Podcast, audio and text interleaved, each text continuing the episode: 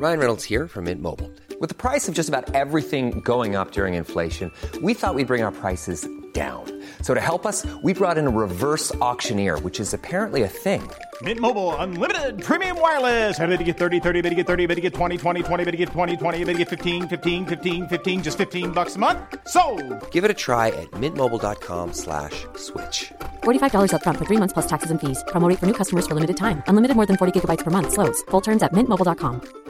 Everyone knows therapy is great for solving problems, but getting therapy has its own problems too, like finding the right therapist, fitting into their schedule, and of course, the cost. Well, BetterHelp can solve those problems. It's totally online and built around your schedule. It's surprisingly affordable too.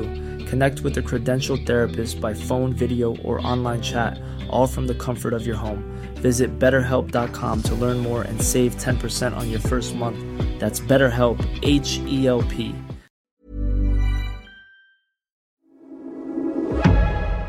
Du lyssnar på GVS ljudböcker.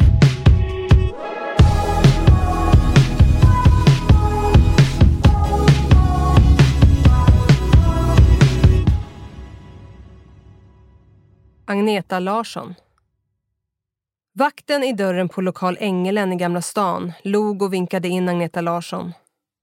Hon gick ner för trapporna direkt mot baren. Lokalen var full av glada människor. Klientelet var överlag alkoholglada övre medelålders män och kvinnor. Ibland kunde det bli stökigt framåt småtimmarna.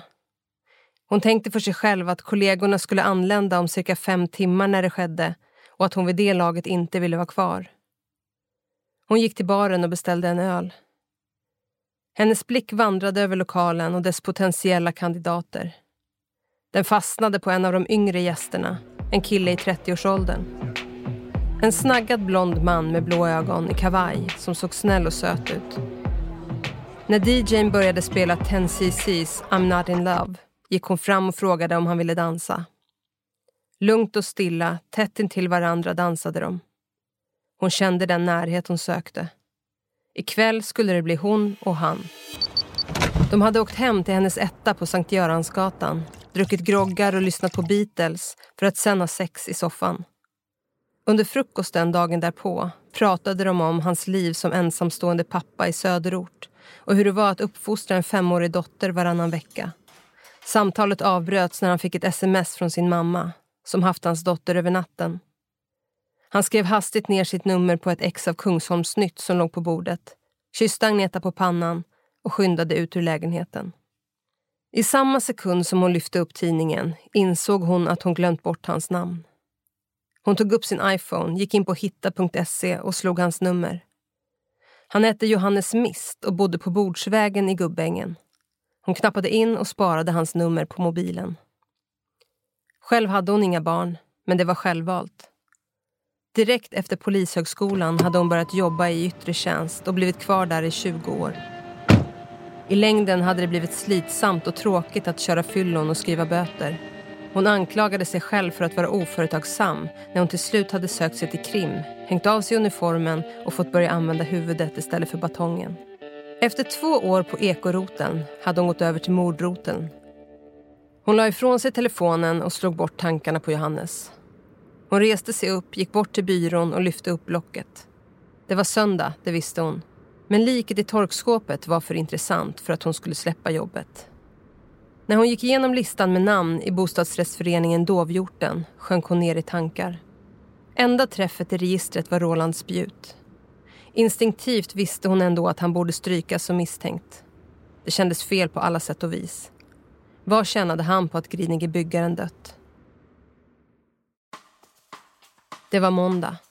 Roland hade förvarnat Agneta om att hans våningsgranne, Pierre Pidde Thiel, mest visade sig nattetid och därför gick under smeknamnet Spöket. Pidde hade aldrig svarat när hon försökt ringa så det var lika bra att försöka tala med honom tidigt på morgonen innan han gått och lagt sig. Klockan åtta ringde hon på. Hon fick plinga några gånger innan dörren öppnades på glänt av ett yrvaket spöke. Hon visade upp sitt polislägg. Agneta Larsson. En skärrad Pidde öppnade. Hon klev in i lägenheten. I den lilla ettan låg travar med gamla tidningar och tomma toalettrullar. Sängen var en madrass på golvet. I köket låg travar med disk.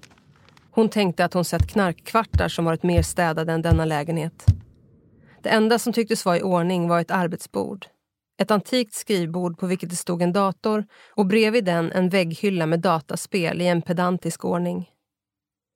På väggen framför datorn hängde en inramad bild med ett ansikte som var bekant men inte gick att placera och texten Roman Krzysztof. Pidde hämtade en stol från köket, ställde den vid skrivbordet och de slog sig ner. Jag antar att du vet vad det gäller, sa Agneta. Pidde stelnade till. Han visste inte alls vad det gällde. Hade hon fått nys om amfetaminet han fått av Roland? Hur kunde hon veta det? Han fick inte fram ett ord, skakade bara på huvudet. Tvättstugan, liket. Ringer det någon klocka? Agneta såg frågande på honom. En sten föll från hans bröst. Ja, nu vet jag. Grini är byggaren. Du menar det där... Mina kollegor och jag har inte fått tag på dig förrän nu. Kan du berätta hur du fick reda på mordet? Jag hörde från Roland att en kropp hittats i torkskåpet. Ruskigt. Har Roland sagt något mer? Nej, hur då menar du? Har du haft kontakt med några andra grannar? Nej, bara Roland och lite med Madeleine som jag hjälpte med en grej, sa Pidde. Så du har inte sett något märkligt i huset? Nej, märkligt? Absolut inte. Mannen gav ett konstigt intryck. Kanske är det därför han går under namnet Spöket, tänkte Agneta. Lägenheten stank av sopor och hon ville inte vara där längre tid än nödvändigt. Jag tror du måste tänka lite på saken så får vi höras igen. Jag återkommer. Kommer du på något så ring mig. Hon räckte honom sitt visitkort och lämnade lägenheten. Porten stod på vid gavel och hon sprang nästan in i en flyttgubbe. Tjena hjärtat! Olle, jag är din nya granne. Olof Jakobsson sträckte fram handen. Agneta gav honom en genomträngande blick. Jag bor inte här, sa hon och lämnade Fulgatan. Elise hade varit och handlat mat. Någon måste ha ringt kvällspressen om att hon tagit sig ut för när hon närmade sig porten hoppade en reporter, en fotograf och en kameraman ut ur en bil. Reportern hade just fått fram mikrofonen framför hennes ansikte när Georg kom springande från andra sidan gatan. Han puttade bort reporten och fotografen och ställde sig mellan medieteamet och Elise. Vad i helvete håller ni på med? Har ni ingen skam i kroppen? utbrast Georg och vände sig till Elise. Spring in i porten nu. I samma veva tog han med varsin hand tag i reporten och fotografen. Dra härifrån och lämna henne i fred. Han släppte deras jackor och gick in i porten. Där inne stod Elise och väntade. Hon såg honom i ögonen, klappade hans arm och sa tack. Runt gatuhörnet gav Olle direktiv till en av sina flyttgubbar att ta det försiktigt med hans stora spegel medan han tänkte att det i det här huset sprang även äldre damer med utseendet i behåll. Han gick ut på gatan. En kraftig flintskallig man kom ner för trappan. Roland sträckte fram handen. Roland, är det du som är blomsterhandlaren? Jajamensan, Olle Jakobsson. Är vi grannar? Ja, jag har bott här sedan barnsben. Är entreprenör precis som du. Vi företagare får hålla ihop. Hur går affärerna? De blomstrar som jag brukar säga. Olle log och fortsatte. I vilken business är du verksam? Jag har ett finger med i många skålar, mestadels underhållning och service, sa Roland. Då får vi verkligen hålla ihop. Springer du på en bra affär så är jag alltid intresserad. Pengar kan man aldrig få för mycket av, sa Olle. Någonting vaknade hos Roland. När du har flyttat klart, titta förbi mig på en drink. Första våningen, spjut på dörren. Välkommen till vårt kvarter. Tack, det blir i eftermiddag då, sa Olle och tänkte att det här är allt en trevlig granne. Jackpot. Ett sånt vänligt mottagande vid flytt hade han inte varit med om tidigare. Alla tänkbara nackdelar med en flytt från Gröndal till Östermalm var som bortblåsta. Han gick ut på gatan och tände en cigarill. Olle tog ett sista djupt blås och tänkte att bättre än så här blir det inte. En granne som framstod som en själsfrände. Vem vet, kanske var den där Roland öppen för en ny affär. Han släppte cigarillen på trottoaren och stampade ut glöden. Han skulle precis kliva in i porten när han kände en klapp på axeln. Den där får du allt plocka upp. Såna där huliganfasoner passar sig inte här, sa Edvin. Olle såg förvånat på honom och plockade upp fimpen. Ursäkta, jag har precis flyttat in. Är vi grannar? Grannar? Jag bor på Fingatan, sa Edvin. Olle kunde höra hur han mumlade. Ingen höjd på oförskämdheter. Och något om gangstrar med svarta pengar. Olle hade flyttat i tre timmar. Han hade till och med fått bära upp en fotlampa själv. Äntligen var han klar. Han gick runt i de två husen på Fin och Fulgatan med mobilen, rapporterade in namnen på alla grannar och beställde från en av sina butiker blommogram till var och en. Sen ringde han på Spjut som tog emot honom med ett fast handslag. Följ med in i biblioteket, sa Roland. Slå dig ner. Roland pekade mot den ena fåtöljen och gick sen till sin drinkvagn. Whisky, sa Roland. Det blir bra, sa Olle och tänkte att det skulle sitta fint efter denna dags flytt. Roland fyllde upp två glas med Lagavulin. Jag ska gå rakt på sak. Du sa att du var intresserad av affärer. Roland satte sig i fåtöljen. Stämmer bra, sa Olle. Du kanske faktiskt kan hjälpa mig. Jag har en del strippklubbar, men vi säger dansklubbar för tjejerna gillar inte att man säger strippa. Plus lite restauranger som jag sköter och så ett par bastuklubbar som min bror Lars-Åke tar hand om. Vi har alltså många kunder och har genom åren samarbetat med olika taxibolag. Vi ringer dem och de kör mot provision kunder till oss. Jaså, det säger du? Intressant, sa Olle fascinerat och fortsatte. Jag har varit på Artemis i Tyskland men har dålig koll på den svenska scenen. Så du får gärna ta med mig till dina klubbar någon gång. Du är välkommen när som helst. Ring mig först så ska du sen få ett kungligt mottagande. Tack, det ska jag, sa Olle. Nu till min affär. Jag har precis startat upp en egen taxirörelse. På grund av branschen jag rör mig i har jag myndigheterna efter mig som du säkert fattar. Jag har fått svårt att få tillstånd för den här taxiverksamheten. Jag vill ju såklart att den ska vara fullkomligt laglig, så det jag letar efter är ett ansikte utåt. En kompanjon som inte drar till sig onödiga problem. För att du ska förstå vidden av detta så kan jag berätta att bilarna idag drar in en hundring i veckan i vinst. Med ett seriöst bolag i ryggen skulle jag kunna tänka mig att vi kunde dubbla den siffran. Och vad skulle jag tjäna, har du tänkt? Tycker vi delar 50-50? Nu vaknade Olle till. En hundring i veckan, säger du? Ja, ja, okej, okay. jag fattar. Ja, och du står på företaget.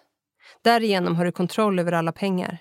Det enda jag begär är att vi använder en revisor som jag litar på. Det här låter för bra för att vara sant, tänkte Olle. För att visa att jag menar allvar, om det här är okej okay för dig och vi kör, så får du veckans hela vinst. Roland gick till kassaskåpet och tog fram en plastpåse med en stor bunt tusenlappar och la upp pengarna på bordet. Olle såg storögt på pengarna. Roland fortsatte. Det kräver såklart att du inte har affärer som slår tillbaka på mig. Men det har du väl inte? Det gick snabbt, men Olle var verkligen intresserad. Det var som om han bara sådär snubblat vid foten av regnbågen och hittat skattkistan. Visst förstod han att Rolands affärer i underhållningsbranschen kunde skapa problem. Men att ha en taxirörelse fanns det inget fel i. Så det var inte något som Olle behövde oroa sig för. Vad är det för bilar ni kör? sa Olle. Nissan X-Trail. De ser helt okej okay ut, men mina förare vill byta till Volkswagen så jag ska sälja dem och köpa nya bilar. Jag har redan köpt en och nästa vecka kommer de andra. Men det där har jag redan finansiering för. Roland tog fram sin telefon. Han vände sig åt Olle. Jag ringer Cesar, en av mina chaufförer, och ber honom komma. På vägen till Östermalmstorg fortsatte Roland att berätta om hur arbetslösheten medfört att det var lätt att värva taxichaufförer. Sen småpratade de lite om husen och föreningen och Roland berättade om den mördade grinige byggaren som hittats i tvättstugan. Något Olle redan läst i tidningarna om. Utanför Coop stod en kraftig man lutad mot en svart taxi. Bra att du kunde komma, sa Roland och sträckte fram handen. Cesar, det här är Olle. Olle och Cesar tog i hand. Den här går bra. Cesar klappade bilen på huven. Så du byter ut Nissan mot de här? Ja, det är nog smart, sa Olle. Roland vände sig åt Cesar. Kan du köra hem oss? Vi bor i samma hus. Cesar fladdrade med blicken. Nej, jag har jättebrådis. Fick precis en körning. Cesar gick in i bilen, vinkade och körde därifrån med en rivstart. Killen har arbetsmoral, sa Olle. Ja, det måste man säga. Kunden före allt, sa Roland. De gick tillbaka till Fulgatan. När Olle sagt adjö utanför Rolands dörr och gått upp mot sitt våningsplan möttes han av en blond kvinna i pösiga indiska mjukisbrallor och en löst sittande vit t-shirt. Hej, Erika Eriksson. Jag är också nyinflyttad och ville bara tacka för de fina liljorna. Det var så lite. Jag jobbar med blommor. Tack, jag blev jätteglad. Hon omfamnade honom och gav honom en puss på munnen. Hon öppnade dörren mitt emot hans lägenhet. Innan hon slog igen dörren sa hon om du är intresserad av buddhism så chantar vi hos mig varje onsdagkväll. Det ger mycket och det håller en fokuserad. Tack, sa Olle och tänkte att den här grannen var vacker som en gudinna. Elise, klädd i svart, promenerade runt hörnet till Hedvig Eleonora kyrka. Hon stannade upp i porten. Kyrkan var nästan full. Hon tittade på klockan. Men Elise, vi hade ju fattat beslut om en liten begravning. Andreas pappa Rune klappade henne på axeln. Elise vände sig om. Ja, jag förstår ingenting. Fyra kvinnor iklädda stora svarta slokhattar kom stressade mot dem. Klackarna mot marmorn ekade i kyrkan. Kajsa slängde sig gråtande om halsen på Elise. Johanna kramade om Elise bakifrån. Lovisa slängde sig om axlarna på Rune. Maria höjde sin telefon och förevigade stunden med en groupie. Hon la tillbaka den i handväskan och just som Kajsa och Johanna släppt Elise sa hon Alla är här. Vem har bjudit dem? Elise nickade ut mot den nästan fulla kyrkan. Vi såklart, sa Kajsa. Rune gav ifrån sig en suck, föste Lovisa åt sidan och gick in i kyrkan mot den vita kistan. Mozarts dödsmässa spelades. Den kvinnliga prästen tog till orda. Andreas togs ifrån oss alldeles för tidigt men han lever kvar i våra minnen. En rättrådig man som aldrig blundade för orättvisor. Alla har vi våra minnen av Andreas men jag kan lova att era minnen inte är detsamma. Men nu, efter att vi lämnat kyrkan och på kyrktrappan delar med oss av våra minnen kommer ni att måla upp en bild av Andreas. En bild av den underbara make, fader och vän han var. Sen var det dags för Andreas vän Christer Sandelin att sjunga Mikael Wiehes version av Woody Guthrie's This is your land. Christer Sandelin sjöng. Det här är ditt land, det här är mitt land. Från Ales stenar till norra Lappland. Från Bohus klippor till Gotlands raukar. Landet, det tillhör dig och mig. Elise sjönk ner i bänkraden. Det här är inte sant, tänkte hon samtidigt som hon hörde sin väninna Johanna viska allt för högt till Kajsa. Herregud, kan inte den här tjommen bestämma sig? Ska han göra politik av begravningen? Andreas chef Stefan Jansson från produktionsbolaget Farras stod för talet. Endast byggare Bob har fler tittare. Andreas byggde hus för var och en av oss. Med sin hammare och spik snickrade han ihop våra små skavanker. Med sin skruvdragare skruvade han ihop våra äktenskap. Han tog aldrig ett nej. Trots sina hörselkåpor var han alltid lyhörd. Som den perfektionist han var tog han på sig uppgiften att rädda oss alla. Andreas byggde korset vi alla är tvungna att bära. Du är och kommer alltid vara saknad i tv-rutan såväl som IRL. Därefter avslutades ceremonin med att alla sjöng i kör salmen Härlig är jorden. Långsamt tömdes kyrkan, bänkrad för bänkrad. Långt bak satt Agneta Larsson kvar. Hon upptäckte inte att ceremonin var över, för hon kände ett sådant hat. Hon mindes sitt hat mot prästen under pappans begravning. Hur hon suttit där omgiven av avskum. Hans vapendragare Silo, som var så stor att hans fetma hela tiden tryckte mot henne och spred en odör av kemikalier och alkohol. Kyrkan hade varit fullpackad. Den hade känts instängd som ett pojkrum. Den gången hade hon suttit längst fram och bara väntat på att det skulle vara över. Prästen hade klätt pappan i vackra ord som känts lika fel som kläder på en get. Pappan hade varit ett as. Så långt hon kunde minnas hade känslorna för honom varit förknippade med rädsla och en konstant otrygghet. Hon mindes nu Silos hand över hennes axel och hur hans viskande ord hade fått henne att rysa. Om du någonsin behöver hjälp är det bara att kontakta mig. Det vet du, va? Han visste inte då att hon sökte in till Polishögskolan. Att hon skulle hämnas. Det var så hon tänkt, mindes hon nu. Men det blev kanske inte riktigt så. För det blir aldrig riktigt så som man har tänkt sig det när man var ung. Som John Lennon sjöng. Life is what happens when you're busy making other plans. Ulrika såg på ugnen och kände doften av rådjurssadeln. Hon hade lagat mat i en timme och dukat med familjeporslinet. Med hjälp av Youtube hade hon funnit kluriga sätt att vika servetterna. Hon mindes inte när hon senast ordnat en fin middag för bara familjen. När hon tänkte efter slog det henne att de inte ätit tillsammans på en vecka. Hon placerade biobiljetterna i snapsglaset framför Ulfs plats. Hon hörde nyckeln i låset och gick ut i hallen. I dörröppningen stod Ulf. Hon stod stilla och såg på medan han tog av sig sin trenchcoat. När är maten klar? Jag har fått ett möte så vi får ta bion en annan dag. Jag ska när som helst ta ut steken och låta det vila. Sen ska jag bara ugnsteka potatisen och så är allt klart. Hon kände besvikelsen skölja över henne. Ulf pussade henne snabbt på kinden. Älskling, jag hinner faktiskt inte vänta på potatisarna. Du och William får ha en fin mor och sonmiddag så tar jag något på vägen. Hon såg en rygg som kändes som en skugga lämna hallen.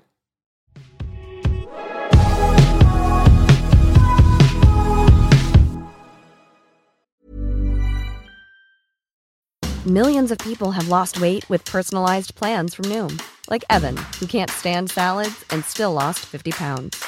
Salads generally for most people are the easy button, right? For me, that wasn't an option. I never really was a salad guy. That's just not who I am. But Noom worked for me. Get your personalized plan today at Noom.com. Real Noom user compensated to provide their story. In four weeks, the typical Noom user can expect to lose one to two pounds per week. Individual results may vary. Everyone knows therapy is great for solving problems, but getting therapy has its own problems too, like finding the right therapist, fitting into their schedule, and of course, the cost. Well, BetterHelp can solve those problems. It's totally online and built around your schedule. It's surprisingly affordable too. Connect with a credentialed therapist by phone, video, or online chat, all from the comfort of your home. Visit betterhelp.com to learn more and save 10% on your first month. That's BetterHelp, H E L P.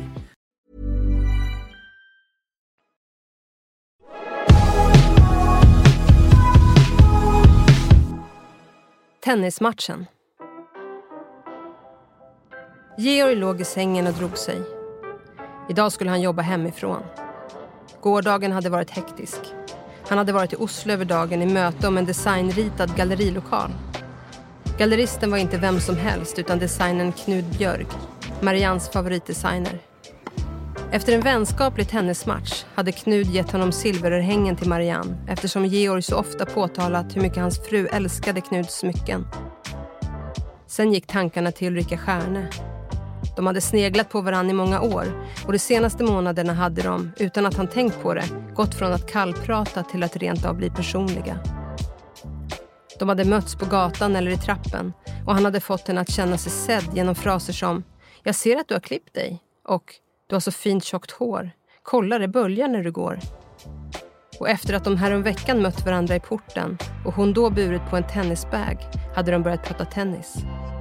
Det hade visat sig att de båda tränade på Kungliga Tennishallen. Hon på onsdag förmiddagar, han på torsdag förmiddagar. Georg hade tagit mod till sig och föreslagit ett träningspass. Ulrika hade tackat ja. Så han hade bokat en fredag eftermiddag. Hon gillade Georg. Hon kom ofta på sig själv med att le mot honom. Han lyssnade och hon kände att han såg henne. Det var väl inget fel i att ta en tennismatch med en granne. Hon ringde Yvonne och ställde in morgondagens lunch på KB. Hon sa bara kort, jag glömde att jag lovat en vän att spela tennis. De slog några uppvärmningsbollar. Georg gav henne lätta bollar och tänkte när han såg henne ta emot dem att det skulle bli en enkel match. Vad ska vi spela om? frågade Ulrika. Varför inte ett vad? Georg log. Och då för vad? Jag menar att vinnaren bestämmer priset. Okej, okay, det låter spännande. Men nu spelar vi om servboll. Ulrika slog bollen högt över nät och Georg smashade tillbaka stenhårt. Hon hade inte en chans. Georg servade. 15-0. Nästa serv lyckades Ulrika inte bara svara på. Hon fick också honom att backa. Hon avslutade med en nätrullare. 15-15. Han studsade bollen och kastade några blickar på Ulrika. Han konstaterade att hon såg bra ut i sin vita topp lika vita tenniskjol och rosa vita sneakers. Han vann sedan tre raka bollar och första game. Nästa game råkade hon slå två dubbelfel i rad. Vid ställningen 15-40 gjorde hon ett tredje dubbelfel. Tredje gamet tog han hem med fyra service på raken. Sen gjorde han något han aldrig skulle gjort om inte motståndet varit så lätt. Han ställde sig långt fram med fötterna på servlinjen, tog bollen på halvvolley och vinklade den tvärs över banan. När hon lyckades ta bollen och slå tillbaka den svarade han med en smash. Hon ville pressa honom tillbaka till baslinjen, men det var omöjligt. Så där fortsatte det, game efter game. Georg vann första set med 6-0. Hon började fundera på vad Georg skulle utkräva för pris. Likt ett rovdjur som passade på sitt byte såg hon i hans blick hur han var fast besluten att vinna matchen, även om det gick bättre för henne i andra set. Lät han henne få in två game för att hon inte skulle bli ledsen, undrade Ulrika. Nej, ledsen var hon inte. Det enda hon kunde tänka var vad han skulle utkräva för vinst. Andra set förlorade hon med 6-2. Ge inte upp.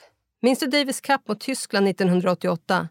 När vi landet trots matchboll förlorade mot Karl Uwe Steb, ropade Georg. Nej, minns inte den. Vi kör ett till set. Vinner du det ger det hela matchen. Georg log ett vargflin. Tredje set vann Georg lika lätt som det första, med 6-0. Georg stod lutad över nätet när Ulrika kom fram till honom för att skaka hand.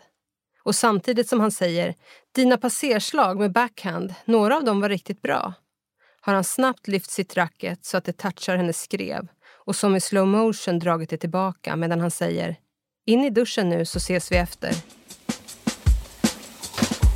Georg klev ur duschen, torkade sig och gick till sitt skåp. Tog sin deodorant och eau de toilette och smörjde in sig med ansiktskräm. När han skulle stoppa träningskläderna i väskan såg han i det öppna sidofacket smycket som Knud Björg gett honom i Oslo. Fan, efter den här affären var ju han och Knud polare. Även om det var precis det smycket som Marianne önskat sig kunde han alltid få ett nytt av Knud. Han kom på en plan. Ulrika skulle få smycket som tröstpris. Han skulle sen önska sig en middag. Marianne var ju hos sin väninna i Falsterbo hela veckan och just denna helg hade Anna åkt på handbollsläger i Örebro. Han hade kvällen fri. Ulrika gick ut ur omklädningsrummet. Hon såg sig om. Georg såg hon inte till. Hon beställde vitaminvatten i kafeterian och satte sig vid ett bord. Hon hade tagit god tid på sig. Hade hon tagit för god tid på sig? Hade han gått? Han ville väl ha något pris? Skulle han vilja ha henne? Georg klev ut ur omklädningsrummet med ett brett leende och gick mot henne. Jag var osäker på om du var kvar där inne eller hade gått, sa Ulrika. Förlåt, jag vet att jag kan ta lite tid på mig. Georg tog upp en flaska ur träningsväskan och ställde den på bordet. Georg grävde i väskan och la fram asken. Många tankar for genom hennes huvud. Vad menar du nu? var det enda hon fick fram. Det här är bara ett tröstpris. Mitt pris är att du ska vara min ledsagarinna på kvällens restaurangbesök. Hon kände sig besviken och lättad på en och samma gång. Hur gör vi då? Ja, vi åker direkt och käkar och dricker lite gott vin, sa han och ringde efter en taxi. Ulrika mässade Ulf att hon skulle bli sen. När taxin kom satte sig Georg bredvid chauffören. Han styrde färden mot Södermalm och googlade på restauranger. Vet du var Judit och Bertil ligger? frågade han taxichauffören. Ja, på Kniv och gaffelsöder, sa chauffören. Kör dit, sa Georg. Det här tycker jag är spännande, för där har jag absolut aldrig varit, sa Ulrika. Inte jag heller. Georg klämde lätt på hennes lår. De klev in på Judit och Bertil. Det spelades hiphop med jazzinslag. Bakom baren stod en ung man med mössa och skägg. Georg noterade att övervåningen såg tom ut. Går det att få ett bord för två där uppe? Ja, inga problem. Ta det bord ni vill ha. Ni är dagens första gäster, sa mannen i mössa. Georg och Ulrika gick upp. Det faktum att de var ensamma fick Ulrika att slappna av. En servitris kom med menyer och de började genast gå igenom alternativen. Det blir nog cowboysarchili för mig, sa Georg. Ulrika skrattade till. För mig blir det bra med en caesarsallad. Rött eller vitt? Georg såg på henne. Inget era. Vi kan väl börja med bubbel? Jag bjuder, så jag bestämmer.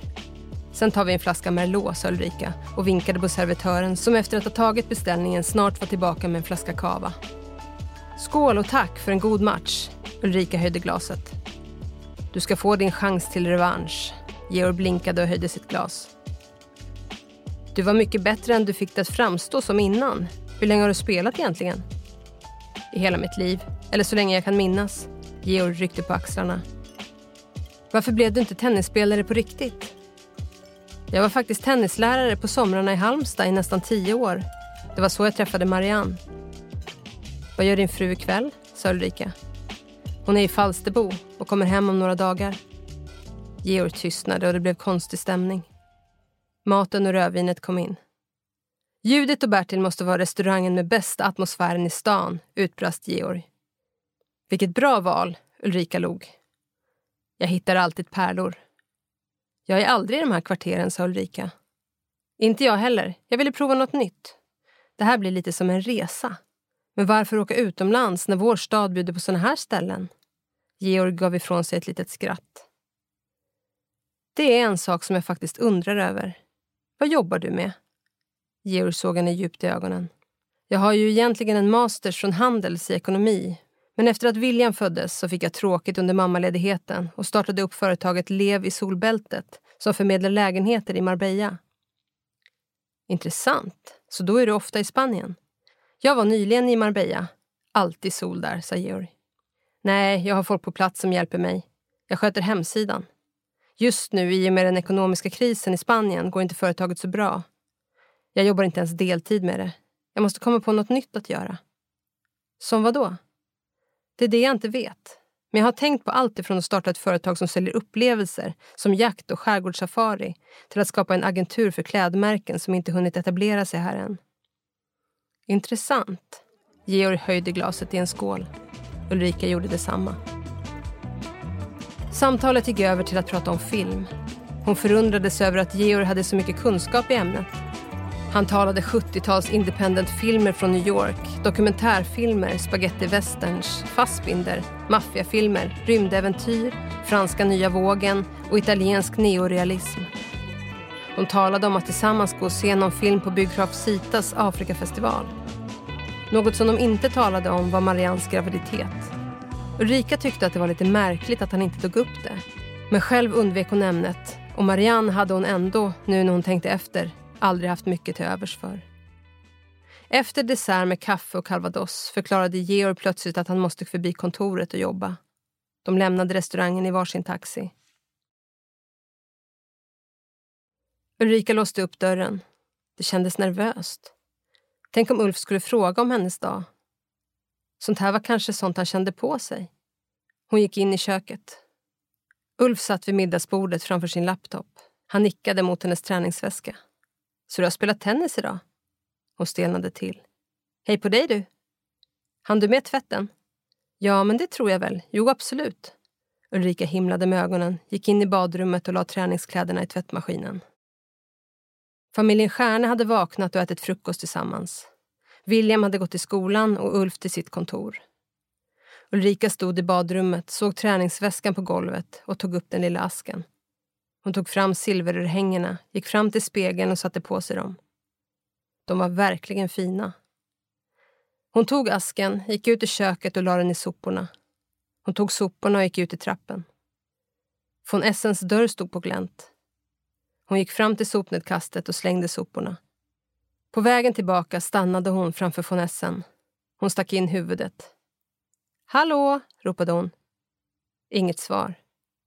Hon dröjde kvar och sköt upp dörren. Hon klev in. Hon ryckte till. Där stod Georg rakt framför henne iklädd morgonrock. Hon såg på honom. Han såg på henne. Hon stängde dörren bakom sig. Hon tog ett kliv mot honom och deras läppar möttes.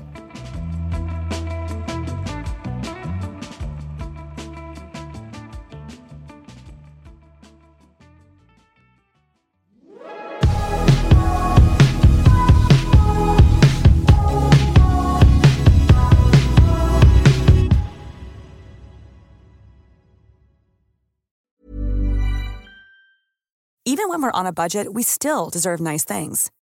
Quince is a place to scoop up stunning high-end goods for 50 to 80% less than similar brands. They have buttery soft cashmere sweaters starting at $50, luxurious Italian leather bags, and so much more. Plus, Quince only works with factories that use safe, ethical, and responsible manufacturing. Get the high-end goods you'll love without the high price tag with Quince. Go to quince.com/style for free shipping and 365-day returns.